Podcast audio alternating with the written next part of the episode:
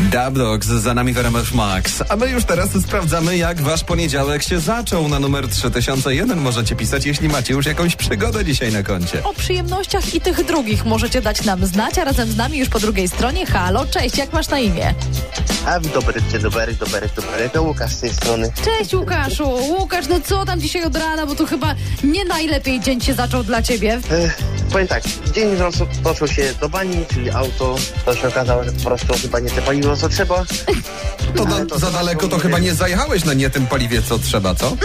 Nie wiem, ale jechałem z półtorej godziny około, około, około 10 km. O, matko. To grubo, faktycznie. I co tam jeszcze? Czyli auto teraz, no co, filtry trzeba wymienić, pewnie benzynę ściągnąć, nalać właściwej.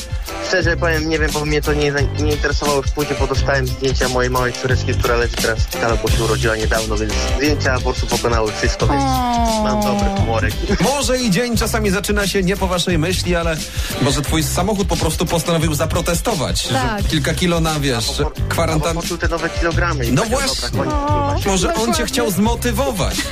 Wróć jak Może wrócisz, być. wróć Wróć, do jak auta, wrócisz do normy. jak wrócisz do normalnej wagi, no. Dokładnie. Zobaczymy. Pozdrawiamy ciebie, Łukaszu. Dzięki za wiadomość. I gratulacji z okazji Curuni oczywiście. Dziękujemy bardzo. Wszystkiego dobrego, cześć. RMF